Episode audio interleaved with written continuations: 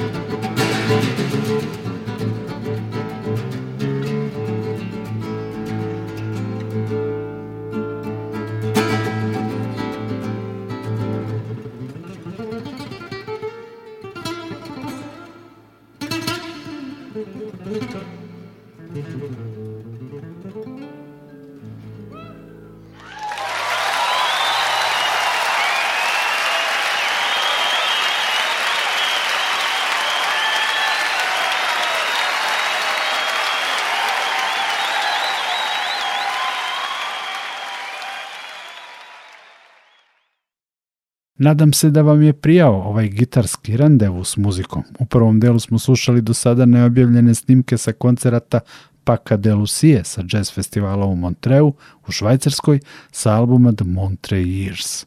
Taj album je inače deo serije izdanja sa raritetnim snimcima sa Montre festivala, a ranije su 2021. godine čini mi se objavljeni snimci Nine Simone i Johna McLaughlina, kasnije Marian Faithful, Madija Watersa, Čika Korije i drugih.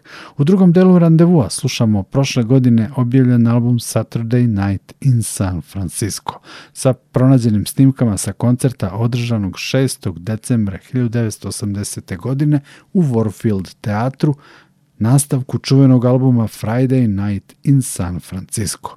Do kraja druženja nam je preostalo da čujemo Pakovu kompoziciju El Pañuelo i temu Orfeu Negro, Crni Orfej Luisa Bonfe iz čuvenog istoimenog brazilskog filma. Ja sam Nikola Glavinić, zahvaljujem vam na druženju, a ovaj i ranije randevue možete poslušati i na internet sajtu Radio Televizije Vojvodine u sekciji Odloženo slušanje. Prijatno!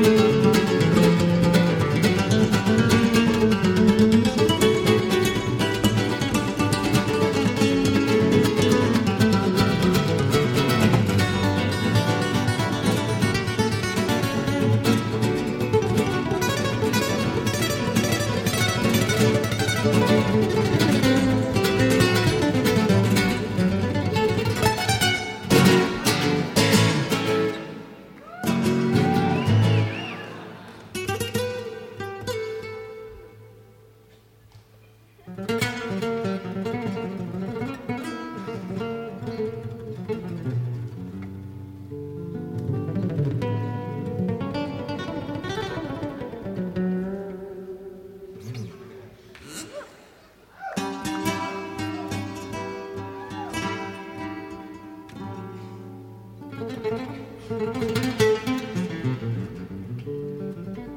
you